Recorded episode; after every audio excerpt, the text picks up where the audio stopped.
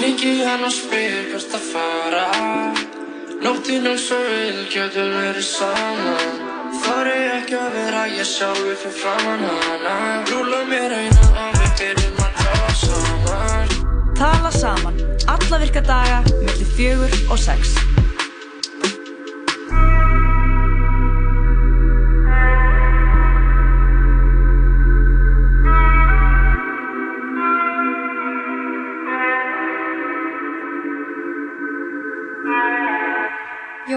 Jú, þú ert að hlusta á skemmti, spjall, menningaþáttinn, tala saman hérna út af spöndrauginu með Jóhanni Kristoffer og Lóu Björk.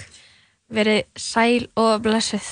Já, komið sjálf blessur, gaman að vera með ykkur hérna á þessum 50 degi. Hvað séu gott Jói minn í dag? Ég er hress og ferskur eins og prestur fyrir messu, eins og einhver sagði. Vá, það er svakalega þáttu framöndan í dag. Við erum að endurvekja lið sem fór í jólafrí og fór í klára bjarritigerð frí. Mhm. Það er liðurinn Fortegar fundur með honum Jóni Kristni Einarssoni. Ó. Hann er sagfræði, sagfræðingur uh, þáttarins. Hann er orðin sagfræðingur. Nei, eða þú veist, ég veit ekki, hann er alltaf búinn að Hann skrifa hann-. Hann, hann skilaði rittgerðinni. Hann á kannski ennþá eftir að vera formulega svona víður s- inn sem sagfræðingur. Já, það er alltaf ákveðinu viksla. Það er eitthvað sem gerist þannig að þú er sem sagt settur í svona möljetin skilin eftir fyrir utan hlöðuna Einmitt. um meðanótt. Já, Það er víkslan. Uh, nei, ég er að djóka. Uh, elskar sagfræðinga. þú ert að finna, þú ert að ná kjúklingi sem er sleppt inn á hlöðuna. Hleypur um.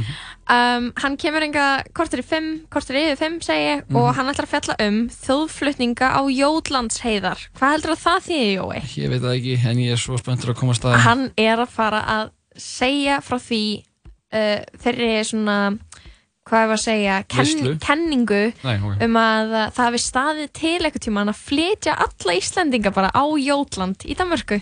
Það hefði verið væp. Sko, Jói, ég veit ekki hvort að ég og þú værum til ef Íslandingar hefðu flyttið Danmörkur. Nei. En kannski værum við til og við værum eflaust hamingjusamari. Við værum bara danir, við værum líglað, þú væri danskur rappari, þú veist, Joey, Ég væri alkoholisti. Þú væri alkálsti, ég væri, ég væri í kaospílot, Já. skilur ég væri skapandi viðskiptafræði Einmitt. og kannski bara með einhverjum arkitekt. En uh, hér er við þessi staði í slappi og volaði. Það er svo mikið slapp úti, sko. Ég, ég vildi að þetta hefði verið gert, þannig að þetta var með verri ákvörunum sem við Íslandingar höfum tekið. On jokes en svo töpuðu við líka landsleik í gær sem að tja, kveikti áhuga minn það var einhver sem töpuðu pening þeir voru að veðja því að ge- gengi Íslandinga hefur svo gott hingað til. Mhm. um, já, ég ég finn til með því fólki en samt sem aður þú ákvæmst þetta sjálfur þannig að eiginlega þér að kenna. Joke. Svo er það bara náttúrulega bara uh, fréttir, við förum yfir þær. Það er eitthvað að gerast, eitthvað sem er ekki gerast. Við ætlum að, flytja fréttir af því sem er ekki gerast. Það það er ekki gott veður úti og það er, Það er reyndar ekkert það slæmt við erum úti. það var að byrja að rigna Já, ég veit það, ég var í sundi. Já, um, ég fekk mér bulsu í hátegismat Ok, æði. og drakk kombucha þannig að mér liður bara vel mér Vá. bara ákveðlega vel bara Einmitt, eins og, eins og skáldi sagði. mm En uh, það verður svolítið líka bara nóga tónlist í þettinum í dag. Og uh, já, eitthvað mikið fleira en það að segja, Lóa. Hefur eitthvað við, við þetta að bæta? uh, Við að vera tónlist Já, bara við eitthvað af þessu. ég, atna, ég er nú búin að segja allt sem ég þarf að segja Ég Já. er bara að byrja hann þátt með einu góðu lægi Mhm. og gýrun og við ætlum að fylgja þér hérna til sex í dag Þú skalt ekki hafa neinar áhugjur á því Turn my headphone down a little bit. Yeah. Yeah. Yeah. Yeah. Yeah. yeah, yeah, yeah, yeah, yeah, yeah.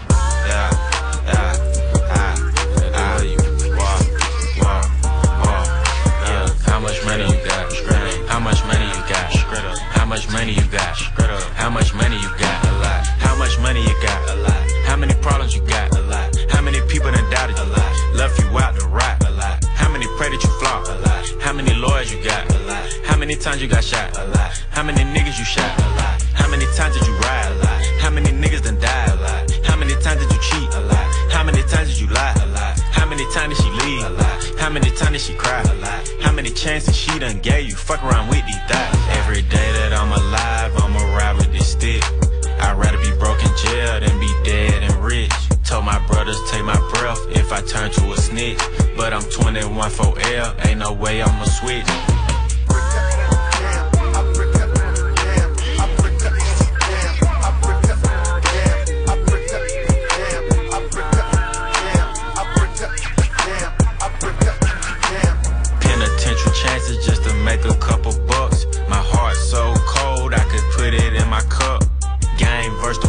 Me and my dog, it was us. Then you went and wrote a statement, and that really fucked me up.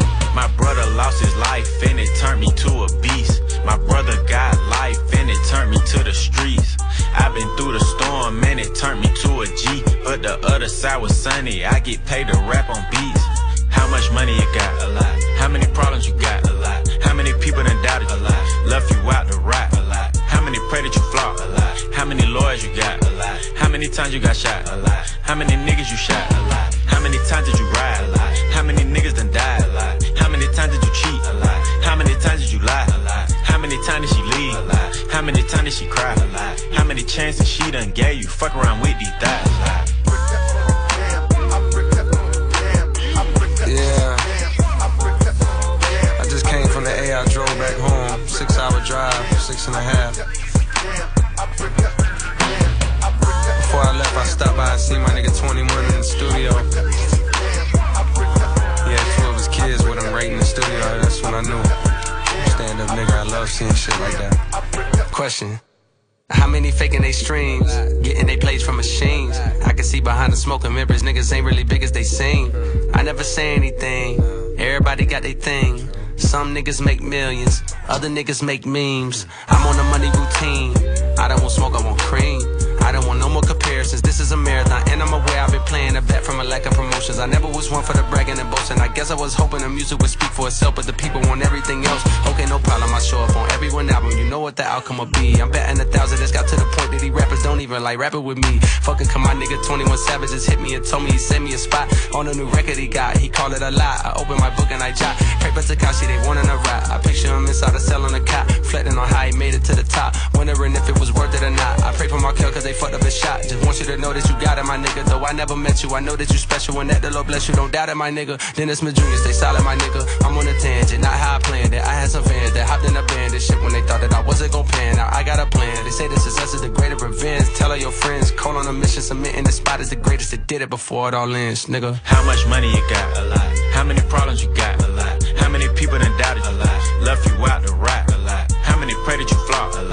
How many lawyers you got? A lot. How many times you got shot? A lot. How many niggas you shot? A lot. How many times did you ride? A lot. How many niggas done died? A lot. How many times did you cheat? A lot. How many times did you lie? A lot. How many times did she leave? A lot. How many times did she cry? A lot. How many chances she done gave you? Fuck around with these thighs. A lot.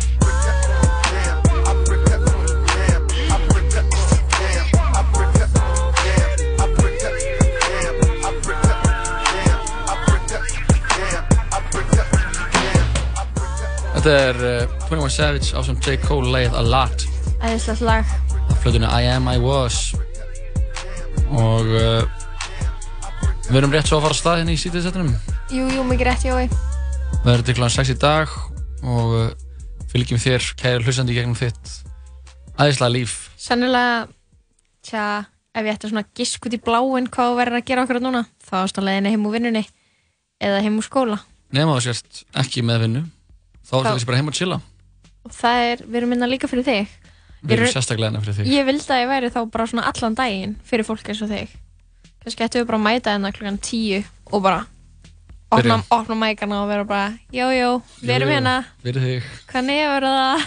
Herru, ég er með frétt fyrir okkur lofa til að byrja þáttinn uh, kannastu við fattamerkið Opening Ceremony Jú, ég kannast við það. uh, Opening Ceremony er fyrir ykkur kæru hlustendur sem ekki vitið uh, ameríst fattamerki Mm uh, sem uh, er líka búð að þú veist, við ú- ú- búð þar, búðir þar sem er að selja aðrar að þú veist, annað önnur merki líka í. Og þetta er ameríst tískumerki sem var stofnað árið 2002 Mhm.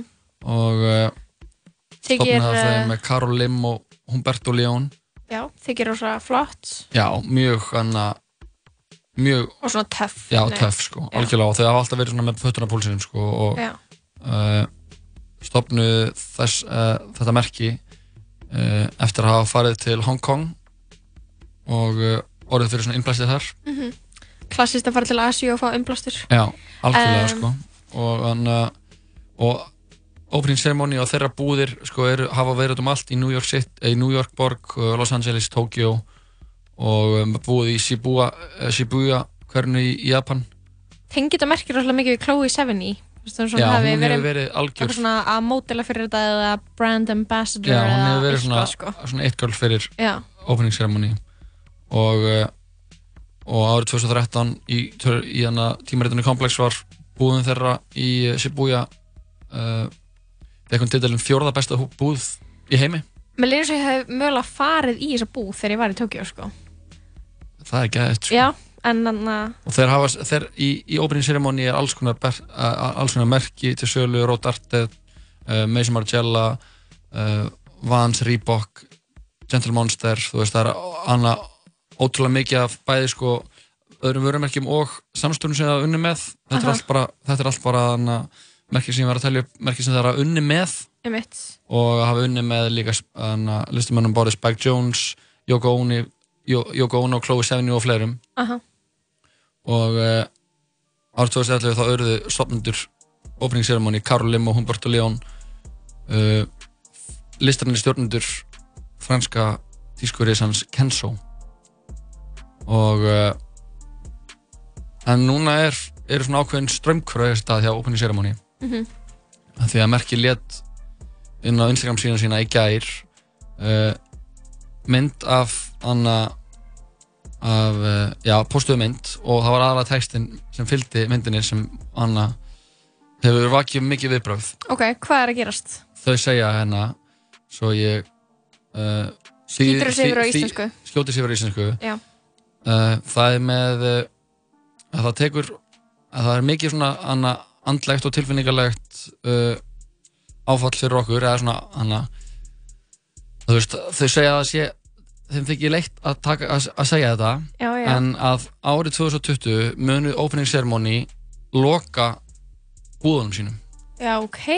Já, og þeir hafa tekið það ákvörðun að einbæti sig meira á, á opening ceremony, opening ceremony collection Aha. og uh, sem er sett, þau er alltaf að halda fram að búa til vörur sko Já, ok. uh, og að vinna með nýju samstarfsaðali sínum sem er New Guards Group sem ég veit ekki alveg sem er eitthvað svona hönnunar Ok. fyrirtæki Ok, þannig að þú veist, búðirna vera, eða þú veist, fatamerki vera ennþá til, Já. en, en það verður það bara selt annar staðar heldur en í opening ceremony í búðum. Já, ábyggla á netinu og hann og já, á Í fleiri svona- stöðum Já. þau segja hann að vörumerkið uh, hann að hólgerfa uh, hönnunar og hann að svona sköpunar andan Mhm. og tilhörnarmennskuna og uh, hann að en það er ás, ástæðin fyrir að ástæðan, hann ástæðin fyrir að við gerum þetta Já. kann að koma ykkur á óvart og má vera túlka á marga mismöndi mismöndi vegu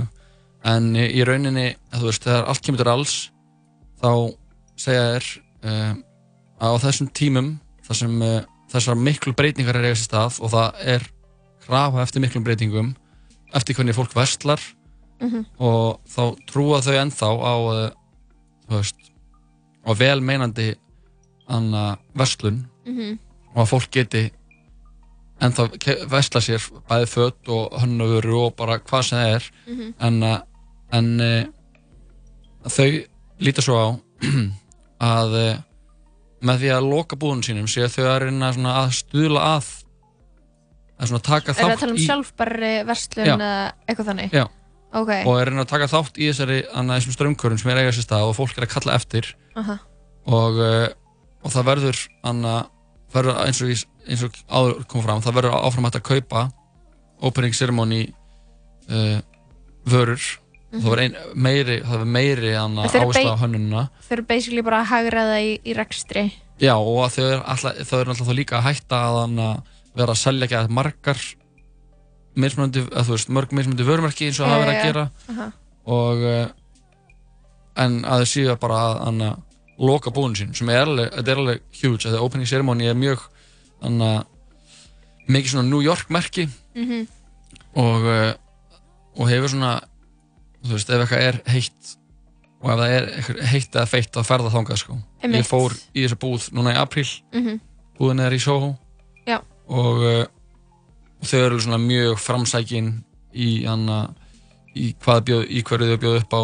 Mhm. og uh, það er bara ógæslega nett. Einmitt. þannig að með þess að svona vera on brand fyrir þau að vera einhvern veginn að auðvitað er hægt að líta svo á að þetta sé þannig að hagraðing í rekstri. Með þess að líka einhvern veginn með þess að líka vera alveg djart Já, að þannig að þetta er bara eins og ef geysir en að væri bara, herru, við ætlum að hætta að þannig að vera með búðir þar sem við erum að selja ekki að mikið öll svona dóti, við ætlum að einbæta bara okkar hönnun Mhm. og uh, leggja áherslu á það og rækta okkar fagfræði aha, og þú veist, það er ekkert margir sem myndi gera þetta. Það, er, þetta, er, þetta er alveg svona smá anna á skjön við það sem anna en þetta er klálega það, sem þarf að gerast eða þarf eiginlega að gerast hjá flestum held ég, sko. Já, um, að þú veist það neysla hlít eða þú veist vonandi eða hlítur fara að minka mm ég veit það ekki, þú veist textiliðina er ennáttúrulega ógísla mengandi.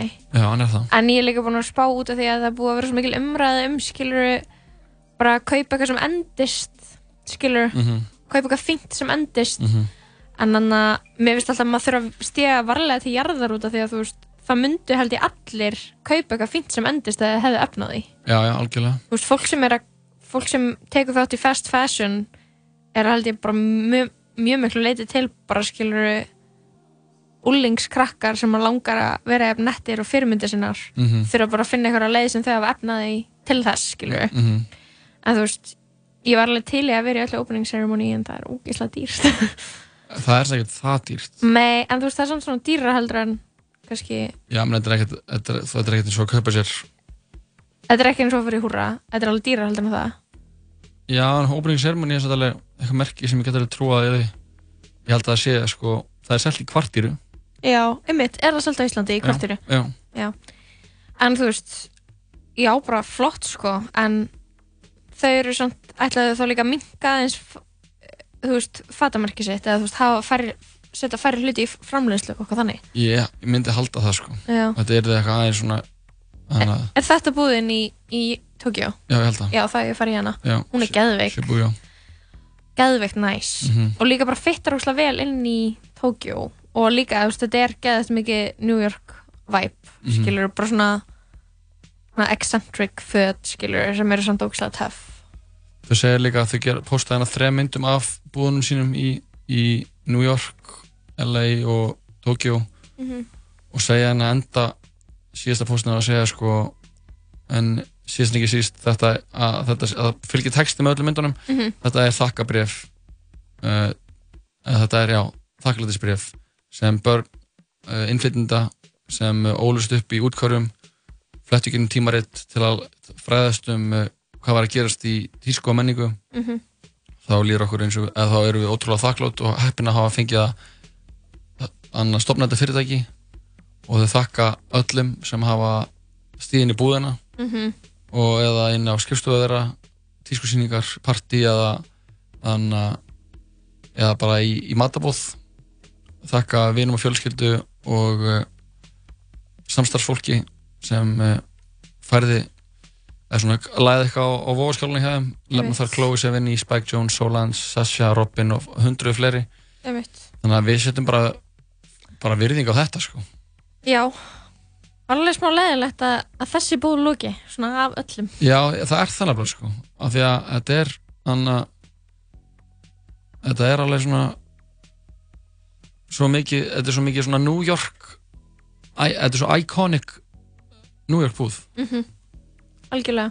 En uh, við höldum áfram hér í síðan eftir áskamar stund fáum eitt gott New York lag í mildtíðinni. Nigga one, guy. Word up. Look out for the cops, though. Cash fruit. Word up. Two for fives over here, baby. Word up. Two for fives. Them niggas got garbage down the way. Word up. Cash saying? fruit. Everything around me. Cream it. Yeah. Check this old fly shit out. Word up. Cash Take rules everything around joint. me. Queen, get the here money. We, here we go. Dollar, Check dollar this bill, shit. Yo. I grew up on the crime side, the New York Times side. Staying alive was no job. Had second hands. Moms bounced on old men. So then we moved to Shaolin Land. A young dude, you're rocking the go-to. Low goose, only way I began to G-York was drug loot. And let's start it like this, son this one and that one, pulling up gas for fun. But it was just a dream for the team who was a fiend. Started smoking wools at 16. And running up in gates and doing hits by high stakes. Making my way on five skates. No question, I was speed for cracks and weed. The combination made my eyes bleed.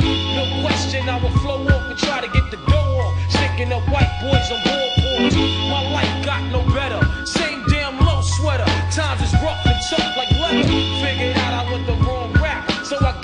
sick ass click and went all out. Catching keys from cross seas. Rolling in MPVs. Every week we make 40 G's. Yo, nigga, respect my a nigga the tech notch. Bow. Move from the gate now.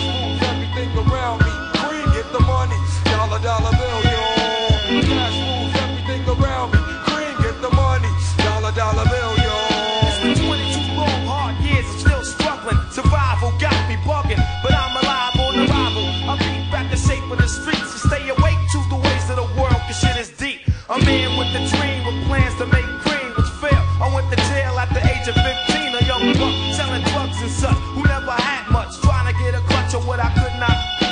Court played me short, now I face incarceration. Pacing, going upstate's my destination. Handcuffed in back of a bus, 40 of us. Life as a shorty shouldn't be so rough. But as the world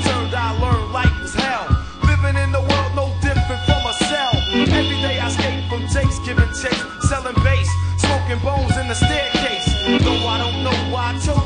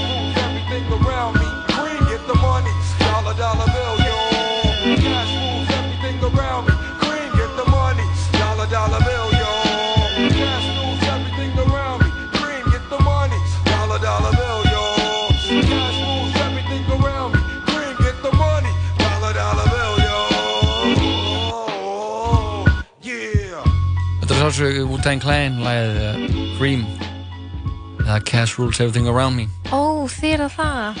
Yep, Omg. in case you didn't know Herru, við ætlum að fá smá músíku viðbót en við höldum áfram að fara í fréttir Næst er það Solange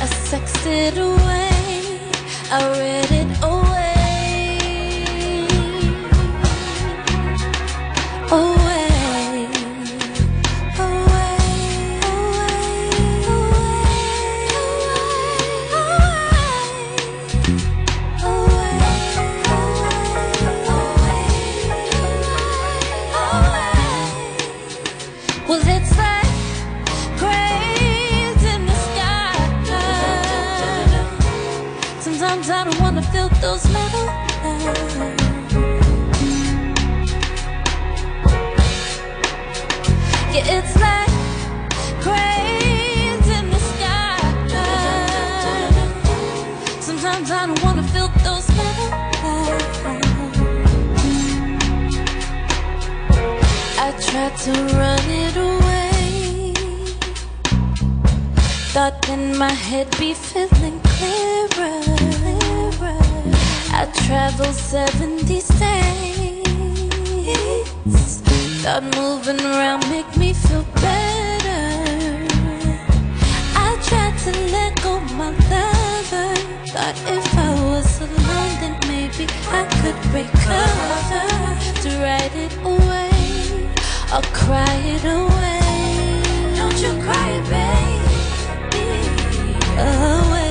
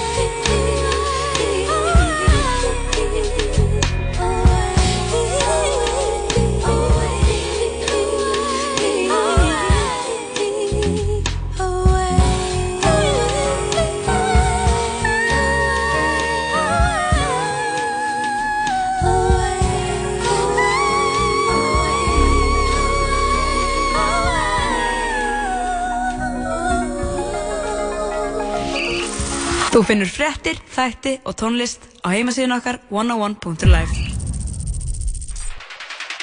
Tala saman Alla virka daga millir fjögur og sex Í bóði Dominos og Smárabíó. Vilt þú vinna iPhone 11? Taktu þátt í vinaleik sambandsins.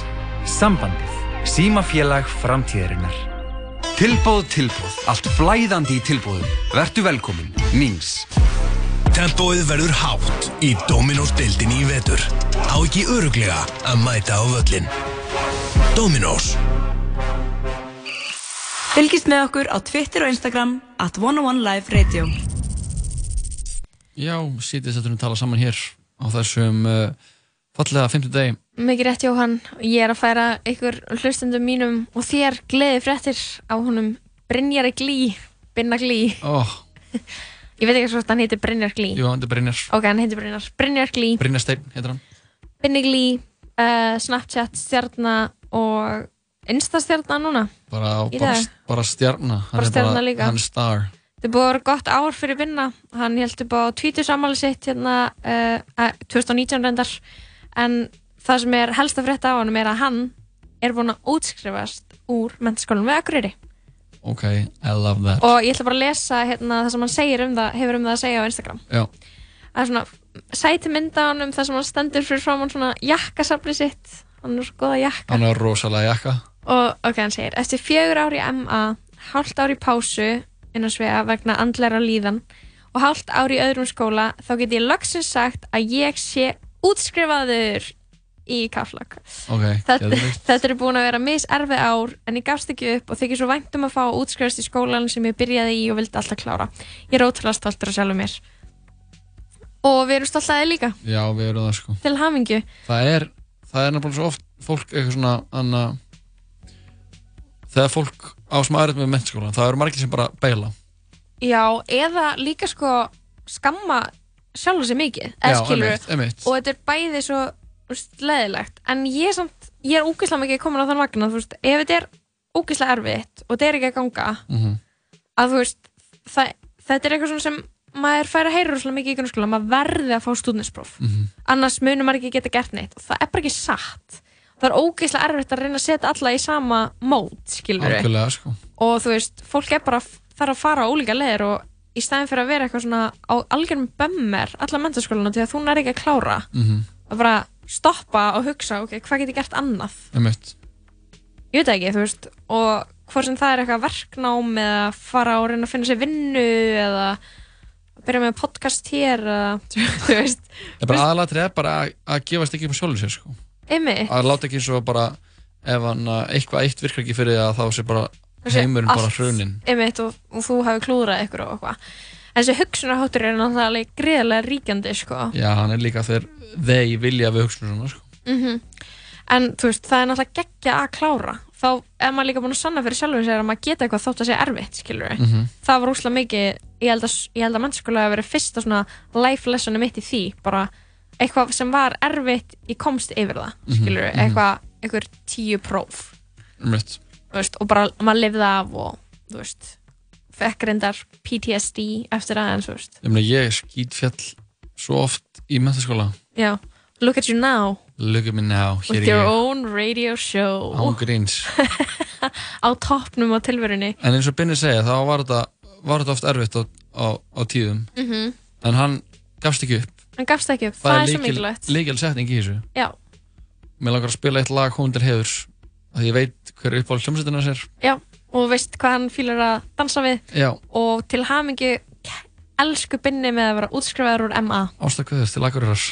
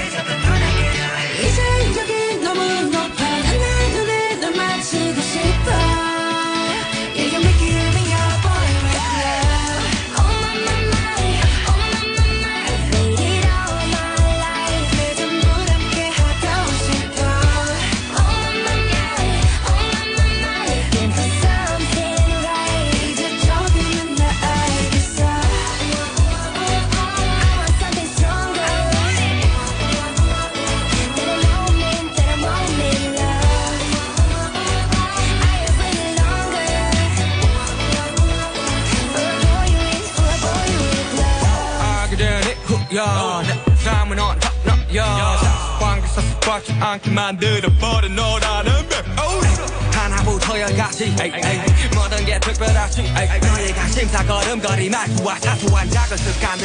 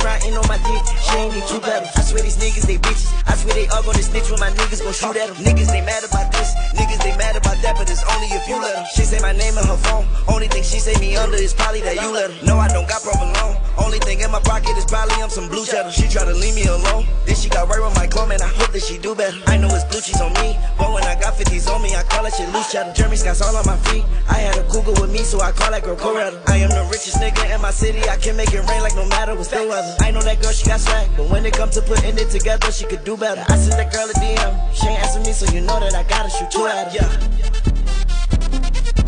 Gotta shoot two at her. Yeah. And you a little Uzi? Gotta shoot two at her. Go. I stay with the blue cheddar. That girl she got with my clone. I told that little girl that she got it, just do better. Are you serious? I swear my money is serious. Okay, all my checks I just be clearing it. She said my dick that she get delirious. Okay, jump on the jet so I'm clearing it. Okay, part, but I'm not talking new. Okay, smoke that boy just like a cigarette. If that boy try to make a fuss move, they try to cut me down. When they say I'm too low, yo, turn me up. I said turn me up. I cannot hear my flow. Whoa, whoa. I ain't never been no fool. Do what I want, I'ma bend your rules. Yo, I'ma take a dub, I'ma win. I ain't never been no type that lose. Whoa, born like this, I ain't did no study. Everything I got, man, I got it in a hurry. If I love you, better say that you love me. And if I trust you, better say that you trust me. Talk about the bag, the moolah, the guap. I'm at the bank, only time that I'm running. I said I'm on the road, no, I cannot stop. I'm running through obstacles, I'm in the hole. Oh, stop that. Told the fun nigga just drop that. If you shoot first, we gon' pop back. Marginal on me, long nigga, that's not that. What you got on? Probably sweatsuit made of nylon. Say my righteous girl, yeah, she say right on. When I hit that girl right with the light on. When I hit that girl on. Gotta shoot two at her. I gotta shoot two at her. I stay with the blue cheddar. That girl she got with my clone. I told that little girl that she got it, just do better. Yeah. Are you serious? I swear my money is serious. Okay, all my checks I just be clearing it. She saw my dick and she get delirious. Okay, jump on the jet so I'm clearing it. Okay, part, but I'm not talking new. Okay, smoke that boy just like a cigarette. If that boy try to make a fuss move. Lou Uzi Vert, do do Lou do, do do. Thank you. Lil Uzi Vert lagið eh, Futsal Sheffield 2020 Já, klukkar er alveg að verða kortur í fimm hérna í tala saman eftir hálftíma kemur Jón Kristinn til okkar og talar um þegar að stóð til, að, stóð til að flytja Íslendinga á Jótlandshegar en uh, talandi um Íslendinga Erlendis, Mhm. Jóhann, þá eigum við, eigum við góðan sendiherra í Suður Ameríku, það er ekki rétt sem er Jú, við Hann- eigum eitt slíkan. Er hann ekki í Chile? Hann er í Chile. Og það er auðvitað hann Patrikur Hæme Patti, eins og hann er kallaður Hæme og hann eh, var svo skemmtilegur á Instagram um daginn þegar hann var að sína frá því að hann rykti orminn sem er neðstur í tequilaflösku. Og þetta er þetta er reglega skrítast sem ég hef séð. Já, ef, ef, ef fólk er að fylgja Patriki þá kannast það, kannski veit það. Ef ekki þá, veit ég hvað Patrikur er þá er hann hann er, Hann er að norðan. hann er að norðan og hann á eh, tíleganskan föður. Já, sem föður og eh, er hann og Binni Glýr Bestu vinir. bestu vinir og uh, Patti var svona var það fyrst áberandi fyrir, fyrir nokkrum árum þegar hann byrjaði á snappinu fyrir svona 2-3 árum Já. og uh, er ótrúlega skemmtilegur Já. ég held að sé óhætt að segja það, það er, það er óhætt að segja það Já. hér er óhætt að segja það hann er núna að heimsækja föður, föður sinn og fjölskyldu í uh, Chile bara á allan föðuleggin Já. leggin, ég, ég held það og hann er, að, að drekka tequila þar hann er eitthvað búinn að jamma. Hann er, það er svo fyndið að heyra hans upplifun að þið verða hann hárið á honum er vist orðið rosalega þurrt. Já. þannig að hann byrjar að nota eitthvað hármaska. Ok, og uh, bara svona alls konar koma ógeð af avokado það er svo mikið avokado á öllu. ég get alveg skrifandi það. Það er mjög mikið avokado á þessum slóðum. Svo- það er afkvæða með öllu. Og svo sagði hann að, að kjöti væri ógíslegt hann sagði eitthvað svona ef ég þarf að borða avokado einu sinni enn þá brjálast ég eða eitthvað svona. Já. Og þarna, en ég held að þetta sé algjörst æfindir í hjá honum og allavega þessi ormur, það var svo að fyndi hann held okkur um ormi, svo reyndi hann að þurrka hann Mhm. en hann þotnaði ekki, hann reyf hann niður í litla bita og reykt hann síðan Já. og var sinni eitthvað, ég finn ekki fyrir neinu og ég var eitthvað ég veit ekki alveg, er að þetta vera- eitthvað myth? búið að, búið að vera smá ferli sko, hann, þegar hann var að, að drekka hann var með tequilaflösku fyrir, fyrir einhverjum tíu dögum síðan eða eitthvað Ok. sem hann síndi og sagði, var að segja frá að neðist í flöskunni var þessi ormur og síndi hann það, er- þetta er dæmi í Suður Ameríku bæði í Já. tequila og mezcal bara litli ormurinn er ormur neðst ormur í, með tequilanu já, ormur í flösku Já. og anna, þetta er einhvers konar hefð Mhm. og þegar flösk, flaskan er kláruð Mhm. þá borðaru Orminn. ormin eða, eða er reykir hann Já, ég hef sko aldrei heyrt um að reykja hann, ég hef klálega heyrt um að borða hann. Já, það hefur einhver, einhver anna, allan Ég held sagt að hann það frá hefði því. verið eitthvað trick. Ég held að hann sagði, hann sagði allavega eftir að hann reykti, ok, þetta var. Eitthvað, Já. það gerst ekki neitt sko. Einmitt. En hvað gæti gerst? Ég held að, þú veist, það er kannski bara að vera eitthvað víma eða eitthvað sko. Mhm. Eitthvað skrítið Já, af allavega. því að þegar maður borðar ormin held ég Mhm. þá er maður alltaf að borða bara svona einhver litla, lítinn orm sem nú vera á En- kafi í, í alkohóli svo lengi að þú alltaf innbyrðir bara eitthvað svona En ég, það samt meikar ekki alveg sens út af því að Að hann er bara svo lítill. Það Þannig að- að hversu mikið ertu að fá? Þú getur, so sett, þú getur sett lítinn dropa af hreinu etanóli á tunguna þina Mhm. og þú er samt bara eitthvað, ok, í að þetta er bara pingur lítill ormur. Virkar þetta þannig, ef maður myndi láta pínlítinn dropa af etanóli á tunguna sína, myndi maður Ég ekki held bara... að, held að myndi ekki gera neitt, sko. Nei. En þarna, já, þessi litla ormur, sko, ég, þarna, hann er bara basically, veist, piklaður eða eitthvað, eða skilur Heiklár ormur. Já, og þetta, þetta var eiginlega það ógeðslegasta sem ég sá þann daginn. En má tala um hvað hvað er að fara að gerast í hjá Patta uh, á næstu mánuðum eða? Er það lindamál? Uh, það er svona lindamál, ekki lindamál. Aha, Það er ekkert búið að tilkynna þetta ofinbarlega. En við vorum að gera þátt saman. já.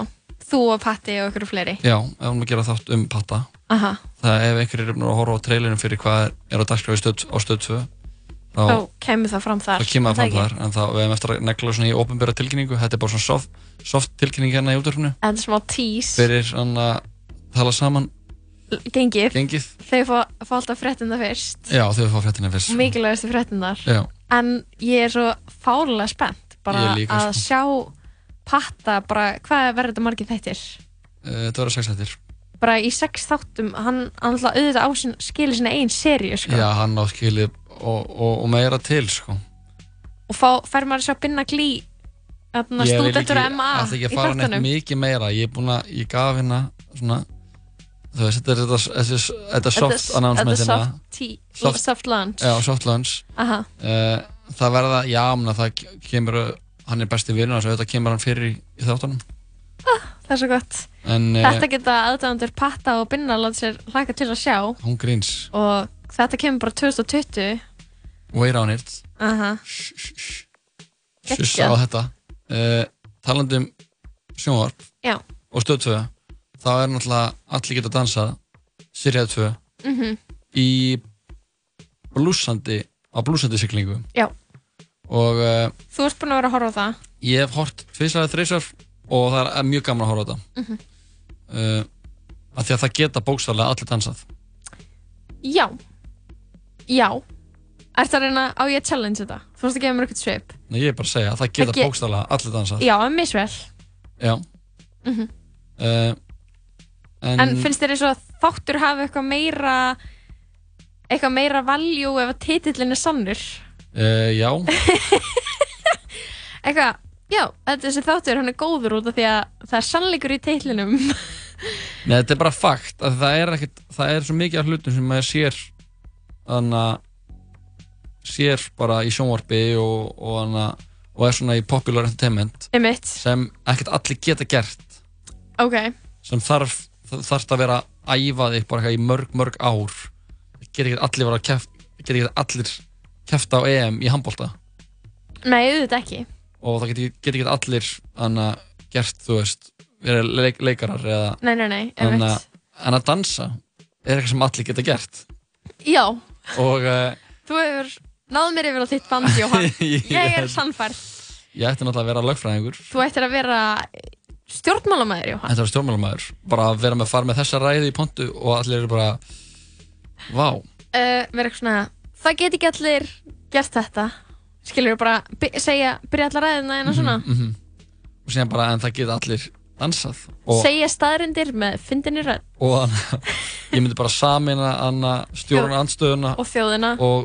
andstöðuna og þjóðina og, bak við allir geta dansað. já, bara geta allir verið sammála því og síðan vinnum við okkur það Já, byrjum einhver staðar. Að það, það, það er alltaf að tala um það. það- grundvöld. Já, það þarf sameilan grundvöld og það þarf eitthvað svona samnefnara Fólk Já, þarf að vera, við þurfum að vera geta, eins og það var hérna í, er í mörgum löndum og var forðum hérna kristin trú, Trú, fólk gætt flikt sér að bak við trúna og E- vera eins og í bara Breitlandi, konungsfjölskylduna. Við stöndum á baku þetta, við erum ekki sammála um allt en við erum, sammála, við erum ekki sammála um allt, við erum sammála um þetta. Já. og Íslandi er að leggja til hérna að, að samnefnari sé allir geta dansa ég sé líka aðlast þessi að allir geti bara setning. Þannig að ekki þátturinn, bara setningin. Já, því að þátturinn er á stöð 2 og það geti ekki allir verið með stöð 2 það rétt. Þannig að eh, þannig að- að fólk myndi flikka sér að bak við þessa setningu Mhm. og uh, það myndi verða bara svona gríðalegur uh, samhugur. Já. og jafnvel að við getum þá úr þessari, frá þessari setningu búið til eitthvað svona eitthvað sem uh, líkist bresku Íslenska- Manuelu og Eyva. Já, da, svona, dansk, eða svona íslenska dansara, a- dans, dansfjölskyldin dansfjölskyldan. Og uh, og uh, ég væri til að sjá einhverja smá aukningu í svona flashmob og dansi út á götu Já, og bara fólk allt gæti þetta. dansa já, þá þá væri væri bara allir að dansa. Já, all, það megi allir dansa. Og síðan myndur þú fara í bakari og segja ég ætla að fá eitt snúð. Og það bara já, þá er það 490 Og Ah, ég er ekki með dansaðu. kort- ég er ekki með kortið. Má ég taka eitt skottís þyrkja minna skottís fyrir þig. Sjálfsagt mál. Og afgjörslikonan væri bara að sjálfsögðu allir geta dansað. Aha. þetta er bara eitthvað algjör svona, myndum kannski hann að breyta Ég- nafninu á þjóðinni jafnvel í dansland Já, ég meina, ég held að, að mörguleiti sé með nýja stjórnarskráin, hún leggur svolítið út, út frá þessu. Þetta, já, er þetta- byggt upp á þessu, Já, neinn, þessu, þessari pælingu. þetta er það sem Anna, hún Kata Odds, hún er að búin berjast fyrir þessu. hún er að berjast fyrir þessu það er fyrsta fyrsta Anna, reglan í nýju stjórnarskanunni er einmitt Allir geta allir dansa. geta dansa og það er, það er þess vegna leðalt að sjá hann eins og Bjarni Ben, hann alltaf Mhm. alltaf að leifa þessi nýju stjórnarská og, og, og tala um það Mhm. að hann, hún fengi brautagengi Mhm. en hefur farað bak orðið sinna Já, og það er náttúrulega hann sérstak vil gata ekki saman að þjóðuna. nei, og það er kannski að því að hann trúir ekki á að hann geti dansað Hann er enn lítill í sér, hann, hefur, hann er brotinn og hann, það er sár Já. og hann, það stoppar hann í að dansa. hann er low-key eins og Kendall í uh, Succession sem Já, hann er þættir sem voru með líka stöðu Kendall Roy Kendall í Roy. Succession, já. Það er margt líkt með þeim. við mælum með að fólk horfi á uh, Allir geta dansað. Succession, Succession. og, Og- þættina um Patrick Hæmi þegar þeir koma út Já, þetta er svona þrýr must watch Já. 2020 Já. En nú hef ég aldrei séð þættina allir geta dansað og þú ætlar að færa mér eitthvað fregnir úr þeim heimi Já. Ég sé að þannig eru konur í glæstum síðkjólum Jú, jú, og það er öllu tjálta til það er öllu tjálta til. Og uh, tónlistaratriði kynnar uh, dansatriði. Það er allt öllu uh, anna, öllu tiltjaldað. Já, en það er breytt fyrirkomulega núna á þessum síðustu tveim nei, varandi neðstu tvö pör, pörin í næsta þætti. Já, að fara að stokka upp í hlutunum. Já. Regina Ósk og Max Petrov fjallu úr leik. Það var leiðilegt í síðustu vikum. Já. það var leðilegt en uh, þannig verður það bara að vera. Það get ekki allir unnið. Það get ekki allir unnið. Þetta er Eh, líka regla. Manuel Ósk og, Ey- og Jón Eithór voru í næst næsta sæti Ok, í síðustu viku. Uh, en breytingin á fyrirkomulagi keppnarinnar verður þannig að uh, það er símakostning sem úrskurar í hvaða röð hana, hver, hver sigrar og, og hvernig það raðast niður frá sigurverðurum og er það búið að vera þannig alltaf? Er alltaf búið að vera símakostning? Þannig að fólk er detta út og því að þjóðin er ekki að kjósa Já, Ok, skil. en uh, það sem mun gerast næst er að uh, það verður eins símakostning en uh, neðistu tvö pörin þurfa að fara í dans einví Dance battle, Já. dance off, eins og það er líka að kalla. já, dance off Mhm. og þá munu domnefndin Salma Björnsdóttir, Karin Reef og Jón Gunnar Arnason uh, ákveða hvaða par fer heim Mhm. og uh, það hefur vist alltaf leiði fyrir að, að á þessu stíðilegs yrði þetta fyrirkomulag tekið upp en uh, margir furðuðu sig á því að Regina Ósk og Max Petrov fjallu leik í síðasta hætti Já, voru þau búin að standa sér mjög vel. Já, og domnendinn og áhörundur átti ekki átti í raun ekki til auðvitað ekki orð en þau höfðu fengið frábæra umsókn frá domnendinni en það dugði ekki til uh, Ég laka til, það er næsti þáttur af allir geta dansað á morgun Já, ég mun sannlega vera horfandi á Tinderlaugina meðan að þjóðun sest niður og Það er horfur að allir geta dansa. ný þáttur af tindalöginni Á morgun. Ég er fárlega spennt. Ég er orðin Tinderlauga fíkill. Já, þú ert orðin bara tindalögar fan, fanatic eins og að segja. ég er djúft sokkinn, sko. Ég, hana, ég hef mikið búin að spá í þessu og til þetta að vera ákveðin speil á þjóðuna sem við búum. Já, menn ég, Þjóðuna sem byggir þetta land. mér, ég held að sé alveg rétt metið að, hana, að segja það sko Ég meina, Eigum hvað, hvað er meira afhjúbandi heldur en að verða ógeðslega fullur fyrir framann myndavél og vera að reyna að finna þinn rétta maka? uh, Ég held þú getur ekki komist í meira afhjúbandi aðstæður. Nei, þetta er alveg bara svona eins afhjúbandi og, og það gerist sko. Já. Hvað myndir að gera ef þú myndir heyra að, að fóröldra þínir hafi kynst Í í sambarlegum þætti? Uh, ég myndi hugsa bara, ok, ég hann að þau hefðu eitthvað dörsti að fela, skilur við. Og ég myndi bara sætta mig við það út, ég er Íslandingur og við eigum ekkert gott skilið. Við erum bara eitthvað, eitthvað villifólk, það er augljóst af þessum þáttum. skilur við mig? Við slum fá lag. Já.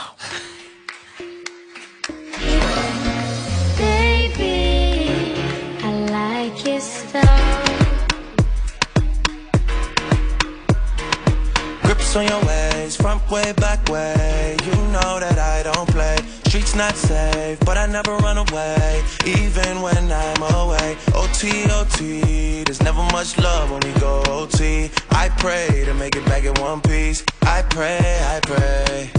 That's why I need a one dance. Got a Hennessy in my hand. One more time before I go. Higher powers taking a hold on me. I need a one dance. Got a Hennessy in my hand. One more time before I go. Higher powers taking a hold on me. Baby, I like your style. Strength and guidance, all that I'm wishing for my friends. Nobody makes it from my ends. I had to bust up the silence. You know you gotta stick by me. Soon as you see the text, reply me. I don't wanna spend time fighting. We got no time, and that's why I need a one dance. Got a Hennessy in my hand. One more time before I go. Higher powers taking a hold on me. I need a one dance. Got a Hennessy in my hand. One more time before I go. Higher powers taking a hold on me.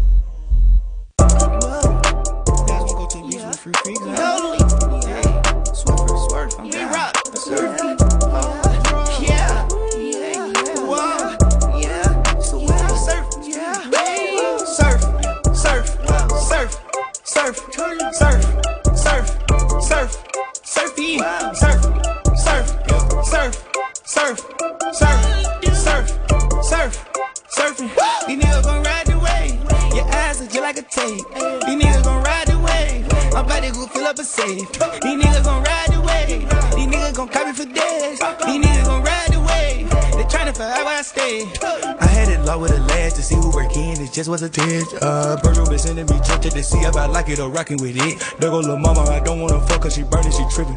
I'm waving, goddamn. Niggas won't smoke with the slack, we can meet in the kitchen. I'm burning the ham. These so-called gangsters don't know how to approach the man. I chop up his ass, I chop up his friends, his mamas, and all of his kids. I come with the lid, I chop out the top of the beans on dollar get spears. They came with the shred, I told them to chop off your penis, you keep in your head.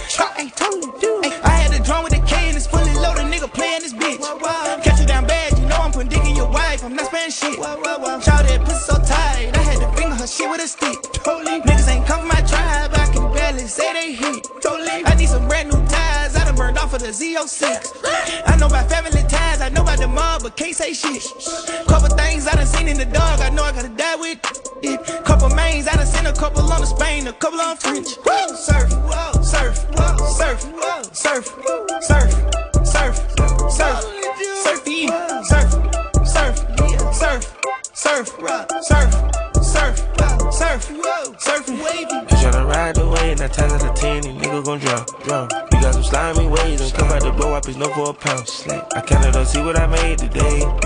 gotta pay to play up. I got a name say, some niggas will never get out. Yeah. I haven't made your waves, feel like I made the rain. Skating on gripping the grain, out of the dripping they drain. I got a bend in Mercedes, the money been healing the pain. Yeah, the Coopers ain't color cocaine. I hope you don't sniff anything. Yeah, she said she like giving me brain. I hope you didn't get a ring. ring. And They clip what on board of the plane. Jesus enough for a king. Grow overseas, I got plenty of teams pretty foreign teens, chains. You said LeBron jeans, yeah. I drop a foreign cream. cream.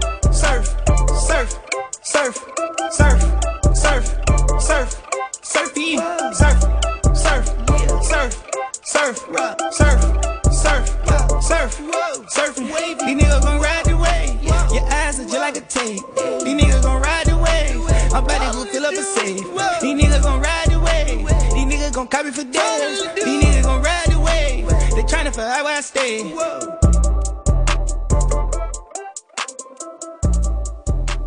Young Thug og Gunna lagið Surf hér í sítaði setjum að tala saman. Það klukkuna vantar það myndi gengin í sex. Já, og hvað þarna, ef þú væri ekki í Íslandi, Jói, hvar myndir þú búa? Ef við myndi ekki, ef við myndi búa einhvers staðar. Já, bara ef þú byggir ekki í Íslandi, hvar myndir þú búa? Ekki bara hvar vildur búa, heldur bara svona staðrindin, skilur. Hvar þú búa, hvar líklegast, bara augljósast, skilur ekki eitthvað, ekki á Bali, skilur eitthvað Já, sem make ok. Hvar myndi fattarðu? ég búa? Já, hvar myndir þú búa? Ef þú væri ekki hér, hvar myndir þú þá búa? Uh, hmm. Þetta er góð spurning. Það ekki? Jú. Ég, er að sjá smá svona Stockholm í þér, sko, hvað ætlaðu þú að segja? Stockholm, segir þú? Já, ég veit ekki hverju. Já, kannski. Bara Svíþjóð. Já, Sverige. Ég er svona að þú myndir ekki leita yfir skamt, skilur, og værir ekki í Kanada. Skilur. Uh, nei, já, kannski Kanada. Að það? Kannski Toronto. Það er væp. Það er væp. Mhm. uh, Þannig að það var líka væp að búa í. Já. Þetta er ekki komið ákvað. Einmitt. Og bara veit ég að það væri væp. Já, það væri það, sko. Og uh, Los Angeles. Þetta er einmitt svona, úst, staðir sem er gefið mikið vesen að flytja á. Mhm. Alltaf þegar ég heyra okkur um Íslandingur sem búa eitthvað lengst í burtu, það er bara, þú veist, ég veit hvað mikið vesen að flytja bara eitthvað í Evrópu. Það bara nippur svona í hattiðin. Já, ég er bara að hessa. Skilur Tekur hattin af og bara yðar skál. Líka all, allir sem finnst leigumarkaðurinn hér var erfiður. Húf. Já, fólk átta sig ekki á þannig einhvern veginn svona samengi í eitthvað svona leigumörkuðum sko. Tala um eitthvað íslenski leigumarkaðurinn. Hann er alveg, auðvitað er hann, hann hann er fló, hann er, þú veist, hann, Hann getur er- verið pirrandi Já, og hann er ekkert, hann er ekkert geggjaður, sko. hann er rosa mikið svona þú, maður veit að því, sko, fullt af fólki sem er að leiða íbúðir sem svona færðar bara í gegnum ættingja Mhm. en svo bara, það er óhefinn og það er engin ættingi en að leiða út Mhm. á þessari stundu þá ertu bara að reyna að sannfæra eitthvað ókunnit fólk um að þú sett góðu leiðandi Já. og ég held að þessi svona, ég held að þessi mjög mikil bæjas í íslenska leigumarkanum svona gagvart innstæðu fólki Já. og fólki með gæludýr, fólk sem reykir það, sko, Það var einstæður reykingamæð með gæludýr. Þú veist, þú ert doomed, Já, sko. þú ert doomed. þú átt ekki, þú átt enga von eða þegar tveir kallmenn lega saman En það er alltaf séð. já, það er bara svona, þú veist, það er eitthvað svona hugmyndir um að þessi tveir kallmenn sé að fara að búa saman það bóði ekkert gott, þetta verður bara svall og sukk íbúð með mikið af jammi Mm. Þú veist, þetta er svolítið svona þetta er bara svona þú veist, það sem fólk hugsar það sem kemur fyrst upp í hugan Já, já. tveir kallmenn yfir tvítu eða í kringum tvítugt eða þrítugt eitthvað af hverju eru þeir ekki með konu og börn Mhm. þá myndir þeir fá að lega hana skilur Mhm, mhm. Einmitt, já, ég, ég það er íbúður sem ég hef leikt, ég hef leikt á uh, Grettskötu, Mhm. það var ekki enn vinn, Mhm. svo flutti ég næst á uh, Rauðarstíg, Mhm. líka vinnur nei, Rauðarstíg og það var Random. random, já, það var bara leigu, anna, bara leigu, leigulistin. leigu, leigulistin Já. ok Næst Va- fór ég á Leifskötu Mhm. og uh, þar, það var líka gegnum fjölsýtuvinn Mhm. og uh, svo flutti ég það sem ég býr núna, Mhm. Þingoltin og það var líka eiginlega sem ég gegnum, eða svona gegnum hana vinkonu, mákonu minnar einmitt þannig að og það sá staði sem var verstur að búa á var Rauðarstíg já það sem þú þekktir ekki Já. það sem það kom bara svona random.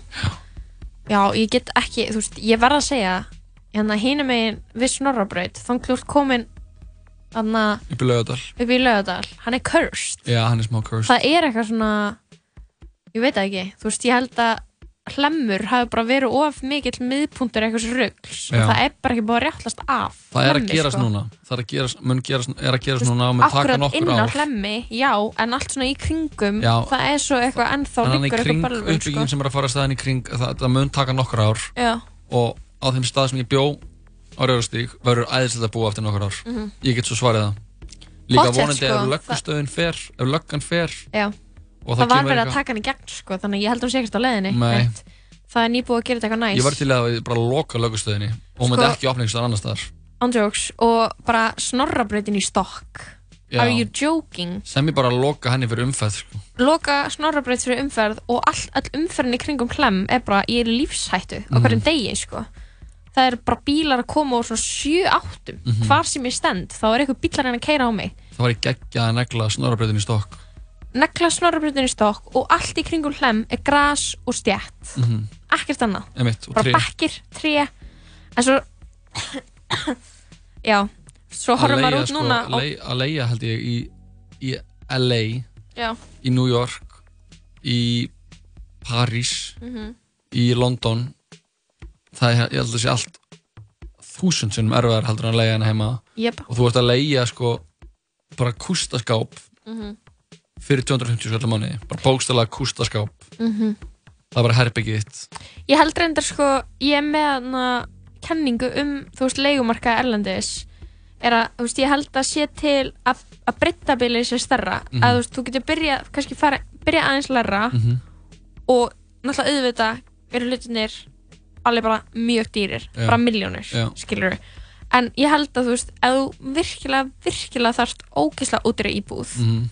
Þá getur þú bara, ef þú sættið við eitthvað útkverfi lengst lengst í burtu Mhm. og sitt í hús Mhm. þá getur þú leiktar. Já, já, en þú veist hérna er bara svona það fer ekki fyrir neðan eitthvað eitthvað ákveðna upphæð. Nei. þannig að allir eru alltaf að minnst okkar að eyða 120.000 í leigu skilur einstaklingurinn. Já, það er bara basic einhvern veginn. En já þú veist ég, na- já, mitt, ég var að leigumarkaði í, í London og svo þegar ég bjóði í New York þá bjóði ég á frænguminni og vinkonum mín voru að leigumarkaði og þar Mhm. leiðu svona ógeðslega langa mjóa íbúð Mhm. sem var svona eins og eitt langt mjótt herbyggi Mm. á bara geðvikslega mikið pening bara þú veist það er bara, þú veist, þú bókstala í New York ert að, ert að svona leiða hole in the wall það íbúðir er sko smá stemning sem það verið svona langri íbúð langur á mjörri já, Það er svo fyndið. Það er svona aðeins að Basically stokk, einn gangur. stokka smá upp í hvað maður skilgrinni íbúð sem. Einmitt. bara já, við erum með hann að uh, Það er gangur. en uppáhalds gríni sem henni tók svona, gerir bytt um þetta hann hann að Mitch Hedberg. Um íbúðir já, og um hann að, já, bara um íbúðar almennt. Mhm. bara en hann var að tala um eitthvað this, eitthvað, this is a three bedroom apartment.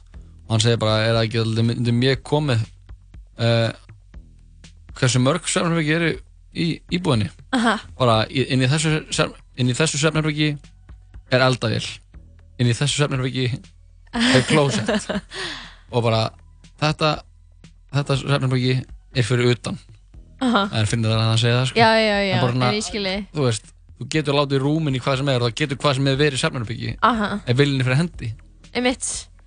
Þetta að stúdíó getur verið svefnarbyggi. þetta getur verið svefnherbyggi 100%. Ætla að hafi ekki eitthvað tíma verið svefnarbyggi? Svona Jú, hér hefur einhver sofið inni sko. bara 100%? 100%. Er það ekki?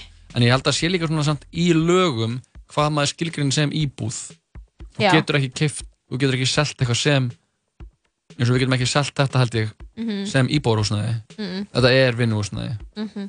100%. og það eru held ég í þessu verið- húsi sem við erum í eru einhver íbúðarhúsnæði en þá þarf maður að gera allir svona það þarf, að, það þarf að ákveða að vera til staðar Já. og íbúður þurfa að vera samþyktar Einmitt. en það er að búa í ósamþyktri íbúð skilur já, já, já, En- en þá farið ekki neinar þá ertu ekki þannig uh, bótaskildur það kemur eitthvað fyrir eða, Já, einmitt. en búin svo að vera á hann að vera að fá laun sem eru að þú veist Nei, ég veit, eitt óskatt eða ekki gefinu svört, svört já. laun En eitt klikka sem ég er náttúrulega búin að koma að staða svona nýlega, mm Mhm. vinni mínir eru búin að kaupa sér íbúðir og eitthvað, fólki í kringum mig og, og það er náttúrulega fullt af íbúðum sem koma á sölu svona sniðum íbúðum sem koma á sölu þegar Airbnb reglugerðin var sett á hérna á Íslandi. já, einmitt. Þá bara svona er eitthvað fólk sem var kannski búið að Airbnb bara eitthvað, ok, aðna þetta er ekki lengur nóg mikla tekjur fyrir mig, ég sel þetta Mhm, skilur, mhm. og margir vinnir mínir sínst mér að kaupa eitthvað svona fyrrum Airbnb íbúðir já,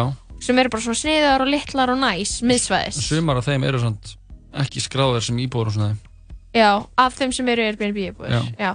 og ég sá, ég fór heim til vinkunum mér og ég sá að na, fyrrum eigandi íbúðurinnar var Mhm. búin að vera að leia út kjallara með sko eiginlega vallaglugga, bara svona mjög, mjög mjórri rifu. Já, bara svona kjallara sem svona ég myndi semja ekki tíma að gema dóti með þar inni, hann var svo miklaður.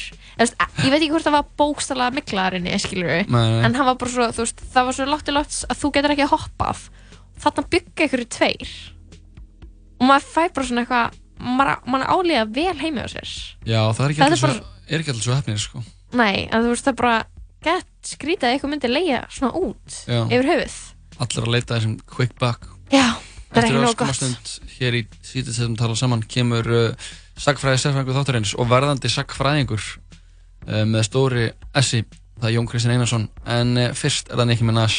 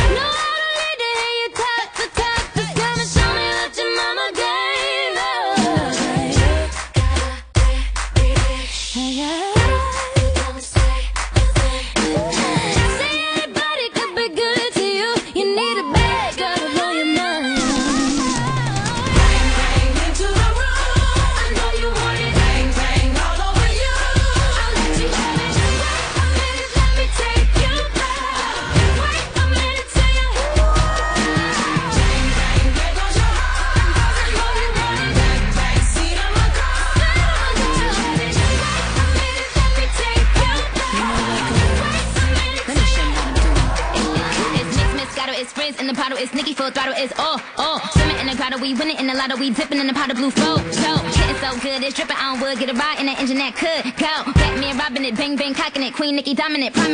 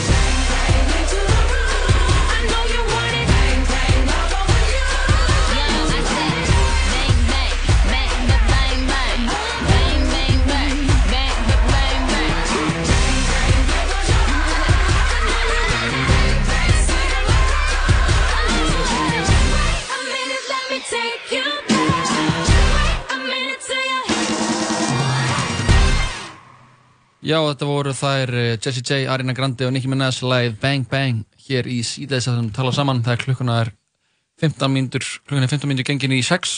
Já, og við erum komin með snilling inn í stúdíói þar er hann Jón Kristinn Einarsson, sagfræðingur, verðstu hjertan og velkomin til hamingu með B.A. rittkerna þína. Já, takk fyrir það.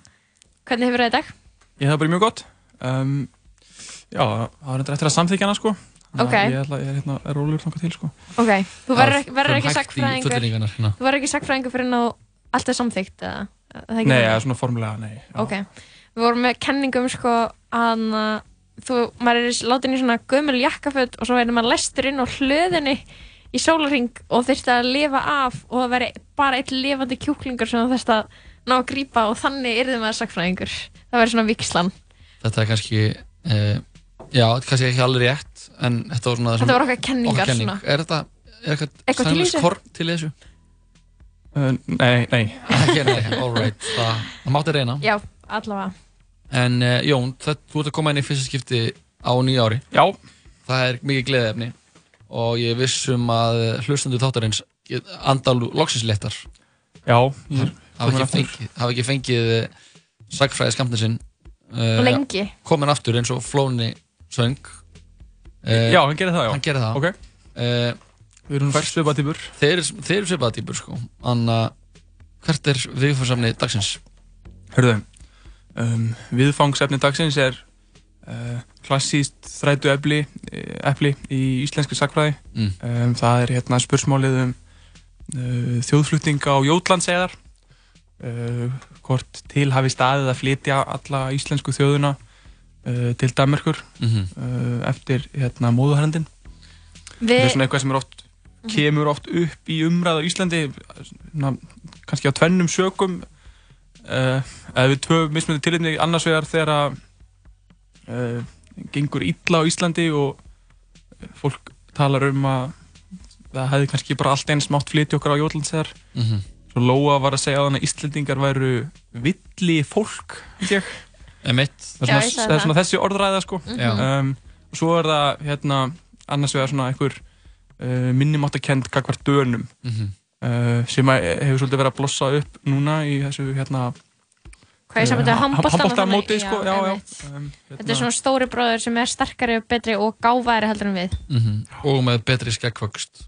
og ríkari Ég er alltaf að fá á Instagram svona, anna, uh, svona targeted ad svona auglýsingu beint að mér þar sem uh, er eitthvað danskugaur að kynna mig fyrir skegg uh, Vakstar serum já, eða? það já, skegg vakstar serumi og svona Og því að þú ert rúllu. paðskeglingur já, það er bara svona you probably thought you would never grow a beard but see here Oh and this is only two months in between og bara gaurinn kom með geðvið mikið skegg og ég bara, mér langar aldrei að líta svona út. Já, ég, ég fæ þetta líka sko. En Er þetta kannski bara svona einhver eitthvað botti frá Danmörku til þess að niðurlega Íslendinga sem eru allir með Hvað skeggvöxt gætir þetta verið? Það sé eitthvað eitthvað plott líklegt sko.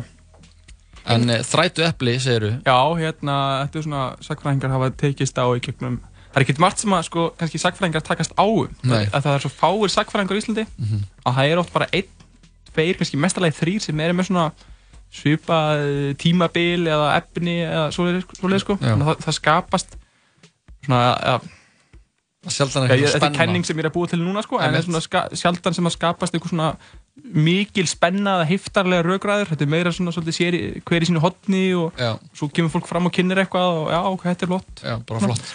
um, En sem sagt, já, þetta er uh, það var svolítið tekist á um þetta sérstaklega svona um miðja 20. öld og, og, og setjum hluta um, og það er kannski að við byrjum bara á því að uh, ræða sko svona hvaðan þetta kemur þessu sögursagnir um að hérna, tilhafi staðið að flytja uh, að rýma landið Mhm. það er svona að hafa uh, hérna, verið að verið tekinn tvö að þrjú dæmi um það það er sem sagt uh, Hannes Finnsson skálandsbiskup ræðir þetta mjög stuttlega í hérna uh, riti sem heitir Mannfækkun og Hallærum sem kom út árið 1796 sem hann er að tala um svona það er svona yfirlit yfir uh, mannfjölda sögu Íslands uh, hann er að skoða mannfækkun uh, af hverju fækkar Íslandingum fjölgar þeim aftur, er það sjúkdómar er það náttúrhanfærir og framvegs hann hérna, minnist á þetta stuttlega að þetta hafi hérna, staðið til uh, í Kaupanhöfn nú Magnús Stefensen uh, ræðir þetta líka í hérna, eftirmælum átjándu aldar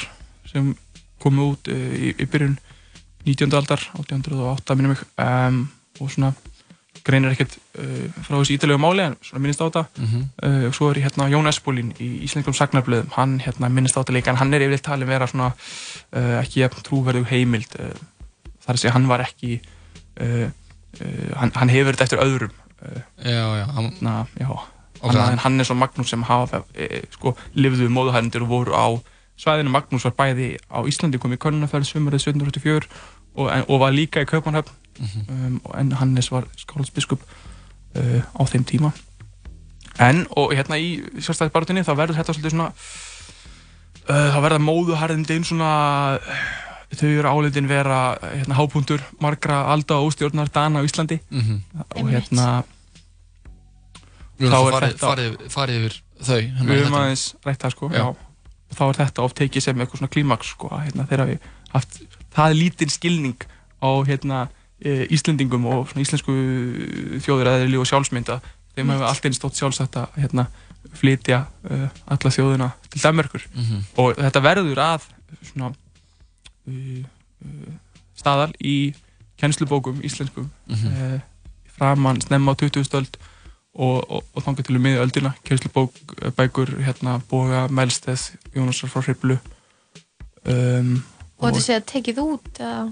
Já, þetta er svona og það skap, skapast umræða um miðja 20. öld um, og, og það sem að menn fara að, að grafast fyrir um það hverjar séu hérna uh, raunverulega uh, hvernig við raunverulega megi undirbyggja um, þessu sögursögn Þorkell Jóhannesson fyrir að rannsaka þetta um, og hérna skrifar grein sem byrtist í Morgunblæðinu 1945 um, og það sem hann í rauninni segir að hérna, það sé ekkert til í þessu þannig. Um, en það sem, sem sagt, kemur í ljós er að það sem er rætt þarna uh, og þetta sagt, kemur til tals uh, veturinn 1784-5 uh, í landsendinni síðari sem er stopnuð þarna í janúar 1785 að mögulega megi kanna það að flytja uh, 500 manns og þá sagt, flóttamenn til Danmörkur alls ekki alla þjóðina sko Ah, ok. Bara það sem það er það sem eru er skjöl til um, heimilislausir sko. eða eitthvað þannig. já, fólk sem hefur þá þurft að flýja úr um, og, og það verður eitthvað smá umræð þetta og hérna Lefetsov sem að verður stiftandmaður á saman tíma, hún er með falið að kanna þetta Mhm. en menn komast að þeirri niðurstöðu að, að hérna, þetta sé of dýrt uh, og, hérna, og, og borgi sig ekki að, að flytja um, fólk frá Íslandinu þannig að það er í rauninni sko sögulegur kjarni þessari sögu. Það er staðrendin í þessu máli. Já, það sem er, er, er rætt, það sem við vitum að var rætt og var fyrirhugað uh, innan hérna, stjórnaldelda í, í Kaupmannhöfn var uh, mögulegur brotthaldningur 500 til 800 manns á Íslandi. En uh, á sama tíma verðist hafa við í gangi eitthvað svona orðrómur í hérna Danmörku og þá mögulega Íslandi líka um að hérna, flytja mun uh, herri tölur Íslandinga frá uh, Landinu. frá landinu um, Vá. og það er sérst fræg grein eftir Önnu Agnarsdóttir sem byrjast í nýri sögur árið 1993 sem að hérna sem hún uh, þá að hún grafið upp uh, bref frá uh, sendiðara Breitlands í Köpanhöfn Mhm. sem að hann hérna ræðir það sem sagt að það hafi um, og hann segir sko þetta er sérst bref frá haustunni 1783 Mhm. Og hann segir sko I understand it was lately in agitation to evacuate the island of Iceland and to transplant the people to the different quarters of the Danish dominions. Þannig að þetta er einhver orðrumur sem hefur grunlega verið á kreiki. Um, og, og, og, og tala alltaf tölvöld herri uh, en svona uh, það er mjög óljóst þess að uh, hversu langt svo hugmynd náði, hún náði allavega aldrei uh, sko upp á það stig að vera alvarlega uh, er rætt sko að flytja alla Íslandinga frá landinu Mhm. Það er bara ekki pæling það var svona, já, og kannski eitthvað sem að menn hafi meira svona uh, rópað upp yfir sig sko En maður hugsa svona núna í svona veðráttu eins og er nú og stormarnir og lægðin, hvað er, stefnir ekki aðra lægð eftir nokkra daga? Stormur, appisningul viðvörun, ófært, snjóflóð. Þetta hefði kannski, það hefði kannski mátt huglega þetta en lengur heldur hann var gert. Herri tölu Íslendinga, flytja bara þjóðina í hilsni til. Danmarkur. Þetta er ekki svo heimskulega pæling. Í Það er rauninni. líka í hvað handbóltalandslið var í gott að það eru bæði íslenska handbóltalandslið og danska Einmitt. Mhm. Það hefur kannski ekki verið handbóltin var, var kannski ekki komin inn þegar þetta var borðið upp þannig að Kannski var hann ekki Nei. búið að finna hann upp. hann var alltaf fundin upp í Danmarku hann Já, var hann fundin upp þar? Byrjun 20. aldar, já Ok. Eð Um, já. dönsk íþrótt, ég vissi það ekki sko Við getum ekki spilað hana. Fá fyrst að, fyrst að þetta er komið í ljós. Nei, Það er bara íslensk glíma. íslensk glíma En eru þið Og- eftir málinn eitthvað fleiri eða?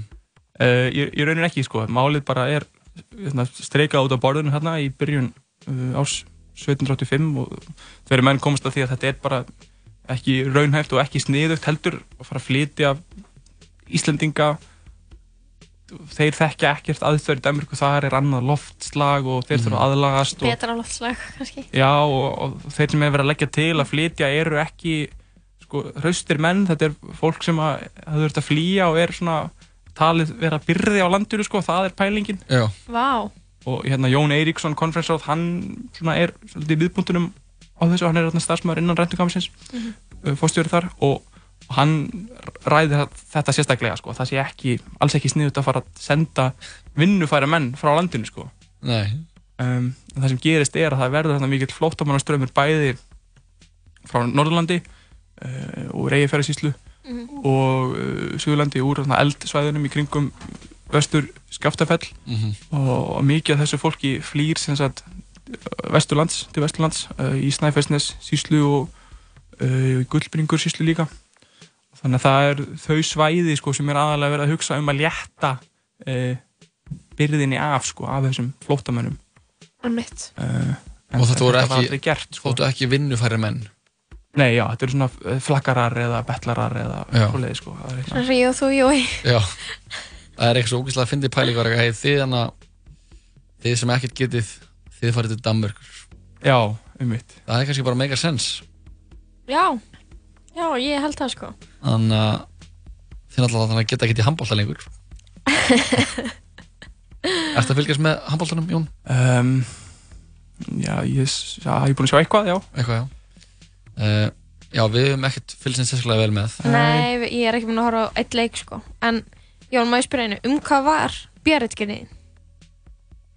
Já, uh, hún hérna fjallar um uh, Jón Steingrímsson uh, hérna sér Jón Steingrímsson á, á, á Prestbakka og hérna hans og, og, mál sem hann lendir í sumarið uh, 1784 í miðjum móðaröndunum þar sem hann er hérna sem sagt uh, ásakaður um það að hérna draga sér fjö uh, af styrkfjö sem hann var falið að uh, flytja frá bestastöðum frá stiftandmanni þar til síslumannsins í vestur Skaftafellsíslu Ok.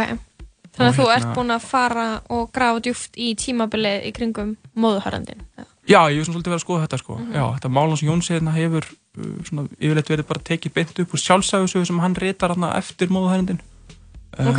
En ég var svona að skoða uh, samtíma heimildir, Já. svona skjöl. Og reyndir að finna einhverja vísbendingar og sönnagögn. Já, vísbendingar og sönnagögn, já. Er það ekki? Var þetta ekki bara svona eins og A. gamalt morðkast, eða þú veist, morðkast í gamla daga? Hvað er það? Uh, svona podcast þar sem einhver er að, eða þú veist, bara svona glæpa podcast. Já. Var Nei, var þannig? ekki svoleiðis. En þú veist, hann, hann er, þú veist, basically er hann að komast að hvort hann var glæpamaður eða ekki. Nei, ég er kannski frekar að reyna að setja málið í samengi við uh, stjórnmálasögu 17. og 18. aldar Ó, ég skil. og svona Þú varst ekki ákvarðan tökku innan íslenska stjórnkerfisins fleiri þeim dúr sko. Þú veist ekki að reyna að komast að einhverjum Þetta var ekki crack the case morðkastið. Þetta- Ok. þetta er ekki- Ég held að sagfræðingar væri svona í rauninni rannsóknar lögreglumenn Ég- ég- ég- Fyrir gamla daga. Fyrir gamla daga. Nei, En þannig að eins og þú sagðir, þetta hefur verið mikið þrætumál með þannig að Jótlands flutningana Já. En eh, það er einhverjir sem halda, hafa haldið fram að eh, það átt að fara að flytja alla Íslandingana eða? Var einhver sem gekk svo langt? Sko, það er, sko, um, máli kannski snýst um það, sko, þrætan snýst um það hversu langt hafa- eru sagfræðingar komið. eru svo klikkaðir, sko, af því að Mhm. þeir hérna fara alltaf út í eitthvað tækniatrið og um, umræðin fyrir að snúast um þau, sko. Um, um, tökum til dæmis Önnu Agnarsdóttir sem að skrifa sér grein um hérna, skýsluna í Breitlandi. Mhm. Hún sem sagt heldur því fram til dæmis að að grundvelli þessara skýslu megi uh, ráða að það hafi hérna, komið til tals hjá dönum uh, á einhverju svona alvarlegu leveli Mhm. uh, að hérna að losa sig algjörlega við Ísland uh, í, í skiptum við eitthvað aðra eigu frá Breitlandi sko og þá flytjum Já, Íslandingana til og frá framvegis.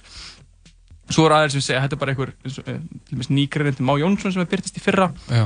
um, og það sem hann segir þetta er bara einhver hérna, uh, einhver, retorík hjá Íslandingum sem nefna þetta í áráðurs skyni Mhm, mhm.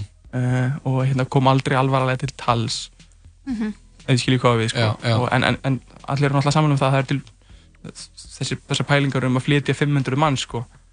Það er bara- það er alveg, fakt. það er alveg hérna já, en uh, var ekki talið ráðlegt sko. Nei. Jón, það var mjög gott að fá þig aftur í þáttinn Já, gaman að koma Við erum búin að sakna þín. Við erum búin að sakna þinn og, og hlustundi þáttarinn sem er búin að sakna þinn Við bara vonumst eftir því að fá að sjá meira þér á þessu herrans árið 2020 Já Settur þér eitthvað áramóta heitt? Eitthvað plön? um, Nei, ég ger það ekki Lesa meira? Lesa meira, huglega meira Huglega meira? Já, Já líst vel á það Já. Uh, við höldum hérna áfram og, og ljúkum þættir með eftir rannsakma stund en uh, Hálftíma. hálftíma, já í hálftími er Líður eins og örskot þúsund ár. stund uh, í jarðsölu í samengi Þú er svo klár. ég er uh, með bíapróf